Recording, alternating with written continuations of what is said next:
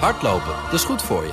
En Nationale Nederlanden helpt je daar graag bij. Bijvoorbeeld met onze digitale NN Running Coach... die antwoord geeft op al je hardloopvragen. Dus, kom ook in beweging. Onze support heb je. Kijk op nn.nl slash hardlopen. BNR Digitaal wordt mede mogelijk gemaakt door Incentro en SecureLink. SecureLink. Safely enabling business. BNR Nieuwsradio. BNR Digitaal. Herbert Blankenstein. Kunstmatige intelligentie, data opslaan in DNA, een kwantumcomputer maken, we zijn al een heel eind. Maar spam, waarom hebben we dat probleem eigenlijk nog niet opgelost? Dat ga ik zo bespreken met Jan-Pieter Cornet van Access. En een meer democratische variant op Reddit, natuurlijk in een blockchain. Gaan we het ook over hebben zo direct. Mijn backup is vandaag Michiel Steltman, directeur van de Stichting Digitale Infrastructuur Nederland, DNL. Hartelijk welkom voor het eerst hier als ja. backup. Ja, leuk. Ehm, en eh, we beginnen met het technieuws. Daarvoor is Ivan Verrips binnengekomen. Hoi Ivan. Hallo. Hey, Nederland doet het best goed als het gaat om de bescherming van Ja, persoonsgegevens. dat blijkt uit een onderzoekje van de Universiteit Leiden. Ehm, het is in Nederland goed gesteld met het bewustzijn en de zelfredzaamheid van burgers ten aanzien van hun privacy. Dus Kijk. het gaat ook om wij met z'n allen, hoe wij daar zelf over nadenken en daarmee bezig zijn. Eh, ook de autoriteit persoonsgegevens zit, eh, loopt Europees gezien goed in de pas als het gaat om budgetten en aantal medewerkers. Maar er is ook ruimte voor verbetering. Zo kan de overheid meer transparantie bieden over het verzamelen en verwerken van persoonsgegevens. Nou, daar zijn we het wel mee eens met z'n allen, denk Ja. ik. En zou er meer werk gemaakt kunnen worden van de positie van eh, burgerrechtenorganisaties. Die zou misschien wat formeler kunnen. Dus dat zijn de aanbevelingen. Maar we doen het niet zo slecht. Ja, gelukkig. Oké, ehm, even een mondje Nederlands. Street View wordt gecrowdsourced. Je kent ze wel, de foto's op Google van praktisch elke straat hier in Nederland. Was voorheen een gesloten product. Alleen de beelden van Google kwamen erop. Maar nu kunnen gebruikers zoals jij en ik ook beelden uploaden in dat Street View. Je moet dan wel 360 graden beelden maken. Dus je moet er een camera voor hebben die dat kan. Ja. Ehm, en Google gaat die beelden dan beoordelen en eventueel gebruiken. En eh, ja, mocht jouw straat er misschien niet zo flatteus op staan. Of misschien sta je er zelf op en zou je liever andere beelden zien. eh, dan kan je die dus uploaden. Maar wat nou het praktisch nut daarvan is, nou, ik weet het niet zo goed. Maar ik, ik ruik ook allerlei meningsverschillen. Mijn beelden Ja, zijn veel nou. beter, maar die worden niet gebruikt. We zullen wel eh, meer daarvan horen, denk Ja. ik. Bluetooth is een groot risico voor connected sextoys. Ja, sinds een tijdje hebben we Bluetooth Low Energy. Een eh, protocol waarbij, waardoor steeds meer apparaten connected zijn. Omdat het bijna geen energie meer kost om met dat Bluetooth dan verbinding te houden. Ja. Amerikaans beveiligingsbedrijf heeft een paar seksspeeltjes getest. die dat Bluetooth Low Energy hebben. En die dingen die blijken vrij eh, makkelijk te hacken. Ik zal niet echt in detail treden over hoe dat dan gaat. Maar sommige van die speeltjes kan je met je eh, telefoon besturen. Via Mhm. Bluetooth dus. En die onderzoeker kon via Bluetooth vaak die dingen dus besturen. Nou ja, je kan je voorstellen. Is het seks- bereik daar dan groot genoeg voor? als je er dichtbij genoeg bent, Ja, dan ja, zal ja. een paar tientallen meters zijn misschien. Maar goed, je kan je voorstellen wat er kan gebeuren als je bij dat speeltjes kun- kon komen als ze in gebruik zijn. Nou ja, Ja, eh, precies. hij heeft een mooie naam bedacht voor zijn ontdekking. Je kent het wardriven, hè, het rondrijden Ja. om allerlei publieke netwerken in kaart te brengen. Dit noemt hij screwdriving. Ja, van het weekend maar eens even iets aan de beveiliging gaan doen, zo te horen. Dat is Michiel Steltman. Ja, oké. Ivan, dankjewel. BNR Nieuwsradio.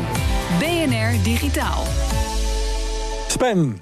Iedereen met een mailadres krijgt ermee te maken. Providers houden veel tegen, maar klanten van KPN bijvoorbeeld hebben de laatste tijd juist extra veel spam door een technisch probleem. Waarom kunnen we die primitieve vorm van internetmisbruik al maar niet de nek omdraaien? Daar ga ik over praten met Jan-Pieter Cornet, systeembeheerder bij Access for gespecialiseerd in mail en spam. Hartelijk welkom. Dus eh, het is nog wel iets waar je je in kunt specialiseren, blijkbaar. Zo belangrijk is het nog. Eh, ja, je kan je erin specialiseren. Het is eh, meer een, eh, een aangeleerd iets eh, door het gewoon heel veel te doen en ermee bezig Ja. te zijn. Spam bestaat al 30 jaar en jullie houden ontzettend veel tegen. Waarom lukt het ons niet om het kwijt te raken? In feite omdat het een menselijk probleem is. Er blijven mensen klikken op spam. Dus dan is het voor de verzenders de moeite waard om het te versturen. Het is heel goedkoop om het te versturen. Dus eh, hoe goed je de beveiliging ook maakt, er zal altijd iemand bedenken van... hé, hey, maar nu heb ik weer een nieuwe methode bedacht... en kan ik toch stiekem... Dus ja. Ja, ja, ja dus eh, spammers zijn innovatief, om het maar zo te zeggen. Ja, spammers zijn innovatief. Uiteraard zijn we aan de andere kant ook innovatief om het tegen te houden. Ja. Maar ja, het is Kun je, kun je nieuwe trucjes noemen die ze de laatste tijd gebruiken? Eh, een van de nieuwe trucken die we zien is eh, dat, eh, dat spammers in heel korte tijd heel veel spam sturen. De spamfilters hebben in het algemeen ongeveer een minuut nodig om te reageren eh, op eh, zeg maar een nieuw domein of een nieuw IP-adres wat spam stuurt. En eh, als je dus binnen die minuut heel veel mail kan, eh, kan sturen, dan, eh, dan, dan kun je op die manier onder de, buiten het filter blijven. Ja, ja, ja. Dat heet, word ik wel heel storm genoemd. En wat, wat we verder zien is dat eindgebruikers een virus krijgen op een PC. En via dat virus worden kleine hoeveelheden spam verstuurd. Dus deze gebruiker stuurt 50 mail, die stuurt er 100. Maar dat, omdat zoveel gebruikers een, vir, een virus hebben, is het bij elkaar toch nog een heleboel mail. Ja, en is de verdediging ook moeilijk omdat de bron ja. zo verspreid is. Ja, komt overal vandaan. Ja, ja, ja. Wat voor uh, uh, innovaties heb je dan tot je beschikking als uh, verdediger tegen spam? Uh, nou, we kijken in eerste instantie heel erg veel naar, naar de inhoud van het bericht. Dus we kijken ook wel waar het vandaan komt. En de bekende IP-adressen waarvan bekend is dat er alleen spam vandaan komt, dat blokkeren we eigenlijk gelijk aan de voordeur. Maar daarna wordt er ook naar het inhoud van het bericht gekeken. En dat bericht wordt eigenlijk uit elkaar geplozen. Het wordt uh, als het ware abstract gemaakt in een paar, als een, als een paar, uh, een paar signatures. dat is een. Rekenkundig trucje. En dan wordt gewoon gekeken in de database van... heb ik dit bericht alles eerder gezien als een spambericht? En als het dan inderdaad hetzelfde soort bericht is... dan wordt het dus tegengehouden als spam. Ja, ja. en wordt daar ook, hoe heet het ook weer, kunstmatige intelligentie op losgelaten? Uh, ja, zo zou je het wel kunnen noemen. Er zijn uh, algoritmes, uh, zeg maar overal over de wereld zijn er um, zogenaamde honeypots. Dat zijn mailadressen die niet echt bestaan, maar die wel mail ontvangen. En die geven gewoon alles wat ze ontvangen door aan een spam of een anti-spam provider. Er zijn ook allerlei gebruikers die kunnen gewoon melden van... hey, deze mail vind ik spam. En alles bij elkaar wordt dat zeg maar meegenomen in een soort van ja, machine learning-achtig ding. Want kijk van nou, deze honeypots zijn te vertrouwen en deze gebruikers zijn te vertrouwen als degene die inderdaad spam melden, wat de rest van de wereld ook spam vindt. En op die manier wordt ja. dus de database samengesteld van dit is echt spam. Ja, ja. Michiel Steltman, mijn backup, heb jij veel last van spam? Nee, nee, ik er eigenlijk. Is het een beetje een probleem wat natuurlijk naar de achtergrond is uh, verdwenen. Omdat iedereen die een, uh, een opt-out, uh, als opt-out een junk, junkmail folder in zijn inbox heeft. Nou, ik weet niet of jij. Ik kijk er eigenlijk nooit meer in. Ik bedoel, eens, van het, eens in de tijd wordt die junkmail folder gewoon weggegooid. En als er eens iemand klaagt van. joh, heb je mijn mailtje gehad? Zeg nou, stuur het nog maar een keer en dan kijk je er eens in. En maar normaal gesproken doe je dat niet. En dat weten natuurlijk die spammers ook. Die, die proberen om te vermijden dat dat in die junkmail folder terechtkomt. En dat ze net er doorheen slippen en natuurlijk in je inbox zelf terechtkomen. Ja, het gebeurt wel eens hè, dat er ook een legitieme mail in je inbox terecht of in je spambox terechtkomt. En dat, ja. ja dat heeft ermee te maken dat het blijft uh, een menselijk proces in feite. Ik bedoel, het, het, is door computers gedaan, maar de mensen zijn degene die de algoritmes bedenken van wat moet wel en niet spam zijn. En soms maakt iemand gewoon uh, een fout ergens. Bijvoorbeeld door mail te sturen naar de verkeerde personen die dan zeggen van hé, hey, ik vind dit spam. En dan komt het voor de andere ontvangers dus in de spambox, terwijl die dat juist weer wel hadden willen ontvangen. Ja, maar nou is het ook professioneler geworden. Hè? Zie je dat er ook uh, patronen zijn dat er meer uh, bijvoorbeeld criminele organisaties zich daar als een uh, spam as a service of zo, zie je dat groeien? of is dat toch een beetje naïef van nou, ik probeer eens wat en met nou, nee, er zit wel degelijk een criminele organisatie achter. Ik heb daar zelf weinig zicht op, maar ik zie wel bijvoorbeeld dat er zijn uh, het is zeg maar onderverdeeld in branches. Hè. Er zijn uh, criminele organisaties die specialiseren zich in het uitzetten van virussen, het compromissen van, uh, van PC's van gebruikers, dat ze gehackt worden, of webservers hacken, dat soort dingen. En die verkopen ze dan weer aan anderen die daar uh, op hun manier ja, ja. Uh, verder gaan. Ja. En uiteindelijk komt het dus bij een spammer terecht. Die koopt gewoon resources, die koopt adressenlijsten, die Precies, koopt gehackte PC's. Ja. Ja, ja, ja. Welk percentage houden jullie nou tegen? Um, nou, aan de voordeur houden we iets, al iets van 30% tegen van de mail die binnenkomt, puur op basis van IP-adres. Uh, en uh, vervolgens kijken we dus naar de inhoud van de mail. En uh, uit metingen blijkt dat we ongeveer 99, zoveel procent van de mails uh, van de spams tegenhouden. Dus ongeveer 99,8, 99,9 procent. Ja, ja, ja. Nou was er van de week dus uh, had uh, KPN opeens problemen. dat zou dan liggen aan, aan het spamfilter. Um, wat, wat, kan er gebeuren met zo'n spamfilter? Kan dat opeens een, een, gebrek vertonen? Ik begrijp dat niet goed. ja, ik heb geen goed inzicht in wat er precies aan de hand is bij KPN. Ik weet dat hun spamfilter inderdaad minder goed werkt. Um, ik weet niet precies hoe dat komt, maar waarschijnlijk uh, ligt het aan het feit dat uh, zo'n zo spamfilter moet je continu blijven trainen of blijven, uh, blijven updaten met de nieuwe spams die binnenkomt. Dus op een of andere manier ziet ja. hun, hun, filter bepaalde spams niet meer als spam. En waar dat precies aan ligt, kan ik niet zeggen. Maar, ik, ik, weet dat, dat Nederland ooit een belangrijke bron is geweest van spam, mede dankzij de inspanningen van Michiel. We hebben een hele goede infrastructuur. nee, niet persoonlijk, maar inderdaad. natuurlijk veel, maar veel... is dat nog steeds zo? Is, is, is Nederland een belangrijke bron? Uh, nou, voor mij valt het wel mee de laatste tijd. We zijn wel, een van de, we staan wel in de top 25 volgens mij. Ja. Dat komt, maar dat komt gewoon omdat we een hele grote digitale samenleving hebben waar Precies. van alles gebeurt. Ja, ja ook even speculatief. Uh, als je snel veel spammailtjes wilt kunnen versturen, heb je uh, extreem goede, uh, dikke verbindingen nodig. Die je tegen lage kosten gebruikt. En die hebben we in Nederland. dus het ligt voor de hand dat daar een, natuurlijk een verband ligt. Maar daarin zijn we niet uniek. Jan-Pieter Cornet, raken we het ooit kwijt? Ik ben bang wel niet. Nee. Oké, dankjewel. Jan-Pieter Cornet van Access for All voor dit uh, matig goede nieuws. Praten met computers, dat doen we al soms. Maar praten met een zelfbewuste computer, dat is nog even wennen. En dat hoor je zo. BNR Nieuwsradio. BNR Digitaal. De slimme assistent maakt het leven makkelijk op de smartphone en ook steeds vaker op de PC en op tafel. Maar als computers zelf bewustzijn ontwikkelen, wordt het leven opeens juist heel ingewikkeld, zag redacteur Ivan Verrips. My computers become self-conscious. I think you mean self-aware. Nope. Je hoort de vrienden Jack en Dean van het YouTube-kanaal Jack en Dean.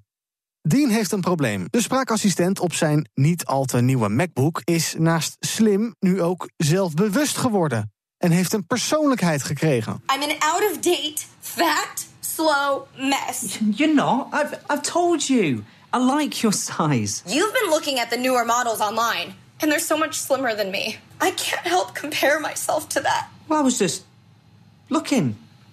It doesn't mean I prefer them. Yeah, and you know the newer models, they don't have as many ports, do they? Exactly.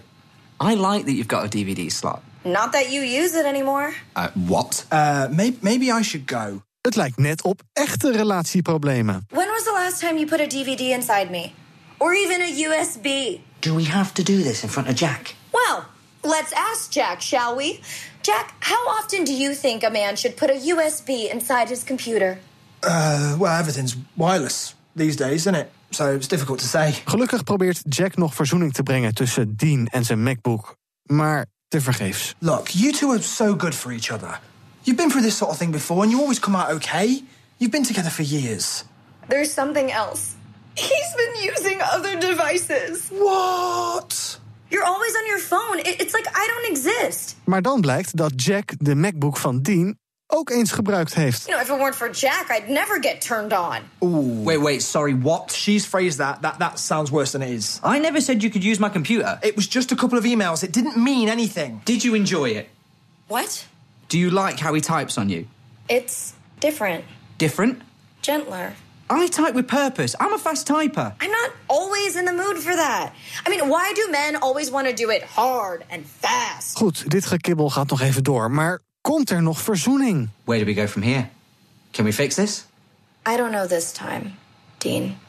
Jack, could you give us a moment alone, please? Yeah, yeah, of course.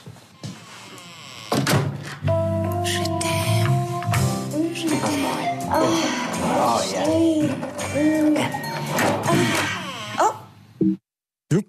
Ja. Persoonlijke assistenten moeten misschien niet al te persoonlijk worden. Het hele filmpje van Jack en Dean, dat vind je op bnr.nl slash digitaal. BNR Nieuwsradio. Herbert Blankenstein. Als je aan social news denkt, denk je aan Reddit. Ik wel. Als je aan online video denkt, dan denk je aan YouTube. Maar er is ook wel kritiek op YouTube, bijvoorbeeld als het om censuur gaat.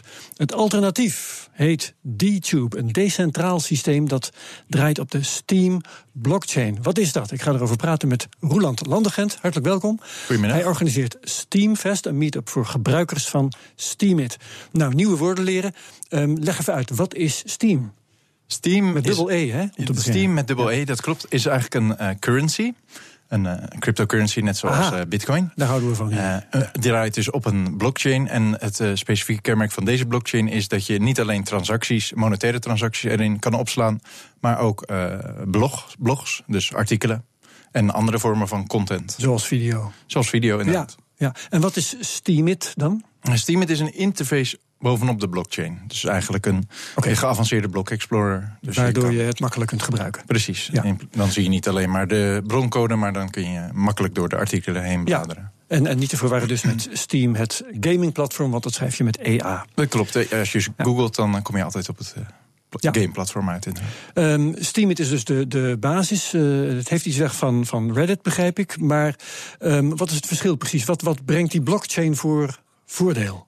Mm, eigenlijk mm, tweeledig. Aan de ene kant heeft het als voordeel dat er kan eigenlijk geen censuur op worden toegepast. Ik weet niet in wat formaten redditors, zeg maar de editors van subreddits dit doen, maar die kunnen in ieder geval. wel de macht. Ja, Ja. Eh, en dat kan eigenlijk niet bij een blockchain. ehm, want er is niemand die de eigenaar is, behalve degene die het artikel erop heeft geplaatst. Dus die kan zelf censuur toepassen.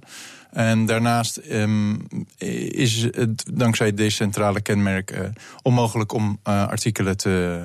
of om de hele blockchain tegen te houden in bijvoorbeeld China. Ja, interessant, Michiel. Ja, ik begrijp eh eh, G- D-Tube, hè, dus op, Mhm. dat, dat de content niet in de blockchain zelf zit. Maar dat, die blok, dat eh, eh, de content, dus de video's, dat die in IPFS zitten. Wat ook een soort blockchain is, maar dan Een decentraal filesysteem. Dus Ja. kan je kan eens uitleggen van hoe kan het dan dat content blijft bestaan en dat het echt niet verwijderd kan worden? En waar komt die precies terecht? Ja, waar Want komt het op welke terecht? harde schijf Ja. staat die video dan bijvoorbeeld?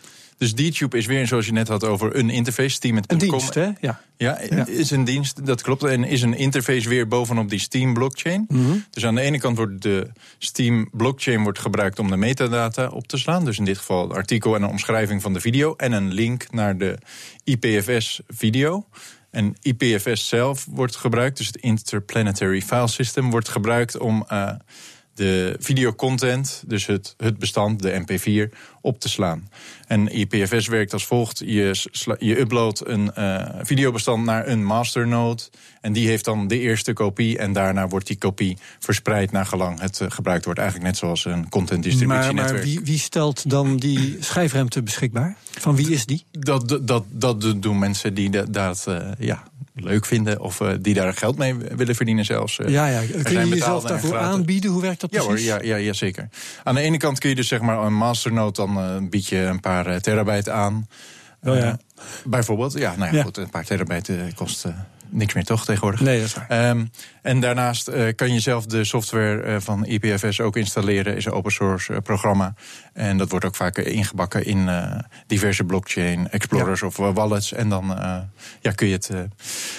op die manier eh, ja, helpt je dan mee het netwerk te versterken. Maar Het is natuurlijk een heel technisch verhaal. We hebben er uitgelegd hoe dat zit met blockchains en zo. Dus de gemiddelde gebruiker die haakt af. Die denkt, nou dan ga ik wel weer naar YouTube. Waarom eh DTube? Is dat net zo makkelijk te gebruiken als YouTube? Ziet dat er ook zo uit uiteindelijk? Nou, de, de maker van eh, DTube heeft inderdaad wel eigenlijk voor de, qua user interface gewoon gekeken naar eh, YouTube. Dus het ziet er eigenlijk hetzelfde uit. Het enige nadeel is dat omdat alle transacties op de blockchain moeten weggeschreven en omdat de video's van een decentrale plek moeten worden afgehaald, kan daar nog wel wat worden geoptimaliseerd. Ja, ik heb geprobeerd een account te maken, dat heb je dan nodig. En dat was al een heel gedoe. Ik geloof niet eens dat het gelukt is. Ja, dat. eh, Ja, een soort ballotage of zo. Hè? Moet je, je moet even, Komt even toch moeite voor neer, ja. Kun, je- kun je uitleggen hoe dat gaat en, en waarom dat zo is trouwens? Waarom het? Dat je, dat je door allerlei hoepeltjes moet springen om een account te krijgen. In het specifieke geval van Steam eh, krijg je wanneer je een account registreert, krijg je een klein beetje van de Steam token. En die Steam token die vertegenwoordigt een bepaalde va- Een, waarde. een munt als bitcoin, hè? Ja, dat heb je net sorry. gezegd. Ja, ja. Eh, En die vertegenwoordigt een bepaalde waarde. En om spam tegen te gaan, eh, of eigenlijk eh, ja, een bot accountregistraties, eh, zijn daar inderdaad wat manuele verificaties of sms-diensten. Je kan wel Hmm. accounts kopen, dan kun je dat in één keer omzeilen. Maar het klopt. Ja. Ze willen voorkomen dat in één keer de reward pool wordt geleegd door middel van heel veel bot. Accounts. En ehm, het, doet mij denken aan verschillende initiatieven die er eerder zijn geweest. Hè. Eh, Freenet was er in de 90s, als ik me niet vergis. Ehm, er was ook een ja, eh, peer-to-peer systeem waar je van alles op kon opslaan. Ehm, hoe voorkom je nou, als je het vergelijkt met YouTube... YouTube is het probleem, daar, daar ben je overgeleverd aan de, de grillen van Google, zal ik maar zeggen... dat eh, juist de vervelende video's die eh, Google zou kunnen verwijderen... dat die allemaal op YouTube terechtkomen. Dat je dus een vergaarbak wordt van allerlei naars. Ja. Het, eh, eh, het geen censuur toepassen heeft inderdaad eh, twee kanten. Aan de ene kant wordt er geen censuur toegepast. Aan de andere kant kan er allerlei naars terechtkomen.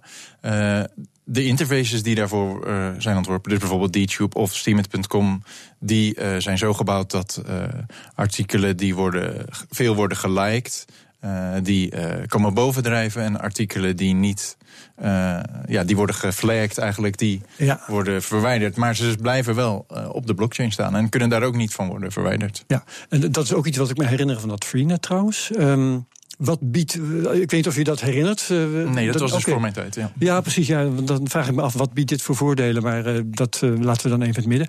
Jij bent uh, um, verzorger van Steamfest. Daar help jij mee, dat help je mee te organiseren. -huh. Wat gebeurt daar? Het is een feest dat is in Portugal. In Klopt, het is de tweede hè? editie. Vorig jaar was het hier in Amsterdam, heb ik dat geïnitieerd. Het, was, um, het is eigenlijk een uh, ja, soort reunie waar alle, of veel Steam-gebruikers naartoe komen. Um, Steam bestaat vooral dus uit videomakers, um, artikelschrijvers, um, chefkoks die recepten erop delen. Ja, ja, ja, iedereen schrijft over zijn passie en over zijn hobby's. En die mensen, een selectie daarvan, die uh, presenteert hun verhaal in 15, 20 minuten gedurende twee conferentiedagen uh, ja, in, in Lissabon. En daar komt eigenlijk, uh, ja, daar heeft Oké. iedereen ja, is eigenlijk iedereen heel erg blij, omdat uh, iedereen verdient wat uh, met die uh, bit of cryptocurrency. En is één grote happiness. Dankjewel. Roland Landegent, organisator van Steamfest. Dank ook aan mijn backup, Michiel Steltman. Tot zover BNR Digitaal voor nu. Maar uh, niet voordat we je bijpraten over de wereld van digitaal geld. Daar heb je het weer. Dubai is het eerste land dat een officiële, door de overheid uitgegeven cryptovaluta heeft. De coin heet Mcash en kan gebruikt worden om allerlei diensten van de overheid te kopen. Zowel van overheden als van private partijen trouwens. Koffie, schoolgeld, de energierekening kan je ermee betalen. Maar het is ook te gebruiken om geld tussen particulieren te versturen. Dubai is duidelijk een land dat de potentie van blockchain ziet. In tegenstelling tot bijvoorbeeld China en Zuid-Korea, die de cryptocoins liever zien verdwijnen. Wij verdwijnen niet. Wij zijn er volgende week gewoon weer heel graag. Tot dan. BNR Digitaal wordt mede mogelijk gemaakt door SecureLink en Incentro. Een IT-bedrijf. Business Booster. Hey ondernemer, KPN heeft nu Business Boosters. Deals die jouw bedrijf echt vooruit helpen. Zoals nu, zakelijk tv en internet, inclusief narrowcasting... de eerste 9 maanden voor maar 30 euro per maand. Beleef het EK samen met je klanten in de hoogste kwaliteit. Kijk op kpn.com slash businessbooster. Business Booster.